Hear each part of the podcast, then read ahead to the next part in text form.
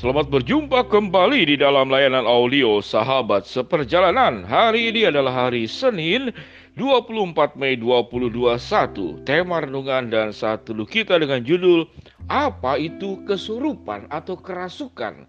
Apa itu kesurupan? Firman Tuhan terambil dalam 1 Yohanes 4 ayat yang keempat demikian bunyi firman Allah. Kamu berasal dari Allah, anak-anakku, dan kamu telah mengalahkan nabi-nabi palsu itu sebab roh yang ada di dalam kamu lebih besar daripada roh yang ada di dalam dunia. Mari kita berdoa. Bapak yang di dalam surga sering kali banyak peristiwa tentang kesurupan atau kerasukan yang ditandai dengan tidak tingkah laku tingkah laku yang tidak wajar berteriak-teriak punya suara yang berbeda berguling-guling, meraung-raung, bahkan keluar suara-suara seperti suara binatang, auman, harimau, dan lain-lain. Kami ingin belajar kebenaran firman Allah sehingga kami tidak disesatkan oleh pemikiran dan pemahaman yang keliru. Di dalam nama Tuhan Yesus kami berdoa. Amin. Shalom sahabat seperjalanan yang dikasih Tuhan Apa itu kesurupan atau kerasukan? Saya percaya sahabat seperjalanan pernah melihat Minimal satu kali dalam hidupmu tentang tingkah laku orang yang seperti kesurupan. Lalu kita menganggap itu sebagai sebuah kesurupan. Tingkah laku orang yang kelihatan kesurupan, dia mungkin matanya melihat ke atas, lalu meraung-raung, meronta-ronta, lalu kemudian berkata-kata yang tidak jelas, lalu suaranya berubah, dan begitulah. Dan itu biasanya diakibatkan oleh banyak faktor. Di dalam Alkitab kita bertemu dengan orang Gerasa yaitu firman Tuhan tentang bagaimana orang Gerasa roh jahat yang diusir dari orang Gerasa. Di dalam Alkitab dikatakan di daerah Gerasa tatkala Yesus ke sana, ada orang yang kerasukan roh jahat. Orang-orang di sekitar di sana tidak sanggup lagi mengikat. Bahkan diikat dengan rantai pun dia bisa melepaskannya. Alkitab mencatat, tidak ada seorang pun yang cukup kuat untuk menjinakkannya. Namun tatkala orang Gerasa ini dan roh jahat yang ada di dalam dirinya itu melihat Yesus, dia berlari dan menyembah Yesus dan berkata, "Apa urusannya dengan aku? Jangan siksa aku ya Allah." Jadi orang Gerasa ini dan roh jahat yang ada di dalam orang Gerasa itu datang menyembah Yesus begitu ketakutan tatkala bertemu dengan Yesus. Lalu apa yang terjadi? Yesus berkata, mengusir roh jahat itu. Hai engkau roh jahat, keluar dari orang ini. Alkitab mencatat roh jahat itu keluar dari orang Gerasa, lalu masuk ke dalam 2000 babi jumlahnya, dan kemudian babi-babi itu jatuh dari tepi jurang ke dalam danau. Sahabat seperjalanan yang dikasih Tuhan, ini peristiwa yang Alkitab catat. Jadi, roh jahat itu memang ada. Dan roh jahat itu bisa membuat orang bertingkah laku yang seperti dikatakan tadi dan Alkitab mencatat itu. Dia punya tenaga yang besar. Bahkan rantai pun tidak bisa mengikatnya dan tidak ada seorang pun yang sanggup untuk menjinakkannya. Apa yang menjadi sebuah pertanyaan? Hidup kita itu seperti rumah. Jadi tatkala rumah itu tidak diisi dan ada orang lain mengisi, maka itulah kehidupan kita. Sehingga mengapa sahabat seperjalanan engkau tetap harus punya Kristus di dalam hidupmu. Roh Kristus dan Roh Kudus ada di dalam hidupmu. Roh Allah ada di dalam hidupmu. Dan Alkitab mengatakan, roh yang ada pada dirimu itu lebih besar daripada roh yang ada di dalam dunia, yaitu roh jahat. Sahabat seperjalanan yang dikasih Tuhan, ada sebuah pertanyaan, apakah orang percaya bisa dirasuk? Saya meyakini sesuai dengan kebenaran firman Allah kalau ada orang percaya bisa dirasuk, berarti dia belum percaya. Karena kalau sudah percaya, hidupnya, hatinya, pikirannya, perasaannya yang bertata, yang menjadi tuan rumah adalah Kristus. Dan kalau sudah Kristus menjadi tuan rumah di dalam hidupmu, tidak ada roh lain yang ada di luar dirimu yang bisa memasuki dirimu. Bahkan roh yang ada di luar tatkala datang kepada engkau, dia akan menyembah bukan menyembahmu, tetapi menyembah Kristus yang ada di hidupmu. Sehingga kesimpulannya, orang percaya yang sudah di dalam Kristus itu tidak bisa dirasuk oleh roh jahat. Kalau seakan-akan bisa dirasuk, kemungkinan besar orang itu hanya bertingkah laku orang percaya, namun Kristus tidak ada di dalam hidupnya. Roh Allah tidak ada di dalam dirinya, Roh Kudus tidak ada di dalam dirinya. Sahabat seperjalanan yang dikasih Tuhan. Dengan demikian, Kalau kita sudah dimiliki oleh Kristus, maka kuasa Allah akan menaungi kita. Perlindungan Tuhan itu akan melingkupi kita. Malaikat-malaikat Allah juga akan menjaga kita.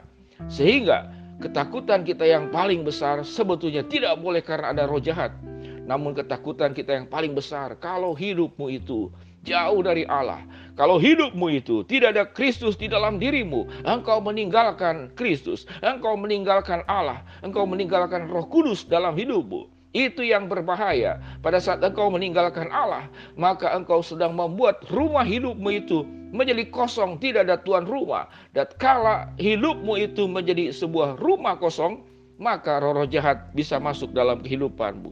Sahabat seperjalanan yang dikasihi Tuhan, saya selama menjadi hamba Tuhan dan selama kehidupan, saya tidak pernah takut dengan yang namanya roh jahat. Mengapa? Bukan karena saya hebat, bukan karena saya kuat, namun karena saya selalu membawa Kristus di dalam kehidupan kami. Bagaimana melayani orang-orang yang pernah mengalami kerasukan? Ada seorang anak muda yang pernah saya layani. Dia di saya dipanggil sama orang tuanya, saya datang ke rumahnya, melihat anak ini masih muda, masih SMA dia meronta dengan tenaga kuat. Mamanya pegang, papanya pegang, lalu ada saudaranya pegang. Tangannya itu begitu kuat luar biasa. Apa yang saya lakukan? Yang saya lakukan adalah memuji Tuhan saat itu dan berdoa supaya Tuhan mengampuni semua dosa-dosa yang dia lakukan oleh setiap orang yang hadir pada waktu itu. Tuhan juga melindungi dan melingkupi setiap orang yang akan melakukan pengusiran roh jahat. Lalu kemudian kami menyanyi, membacakan Alkitab, menaikkan pujian. Itu hanya sarana. Tapi yang paling terutama menghadirkan Kristus.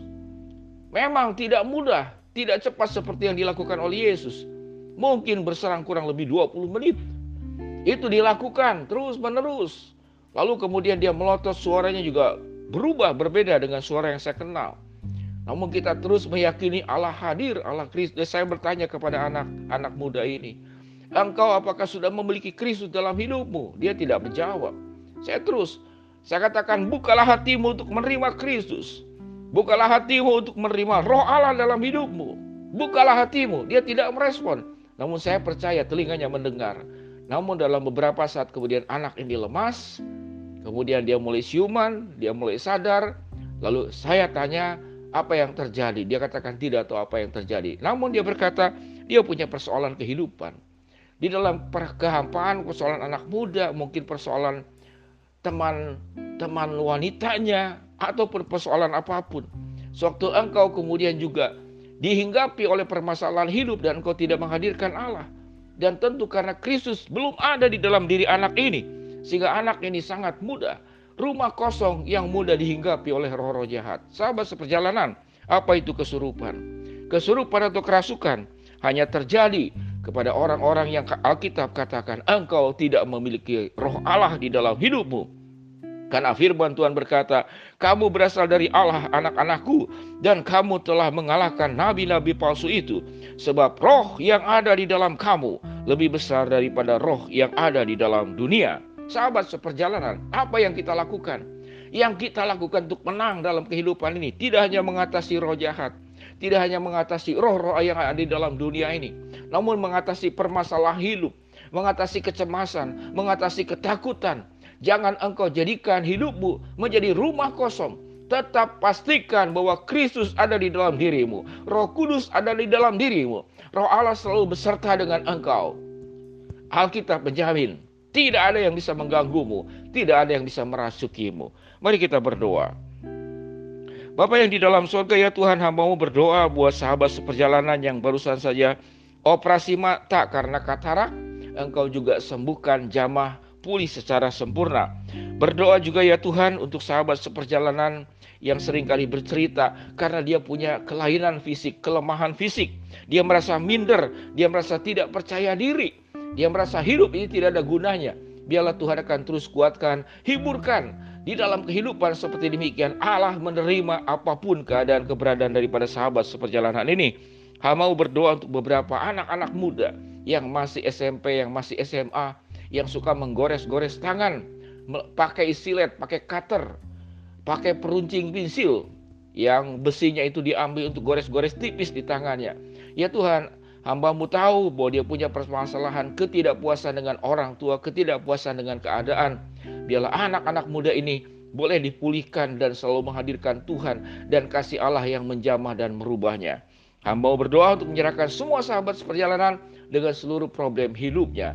Di dalam nama Tuhan Yesus kami berdoa. Amin. Shalom sahabat seperjalanan yang dikasih Tuhan. Apa itu keserupan? Kalau roh Tuhan ada di dalam dirimu, engkau tidak bisa dirasuk dan tidak ada istilah keserupan di dalam setiap kehidupan orang percaya. Shalom Tuhan memberkati kita semua. Amin.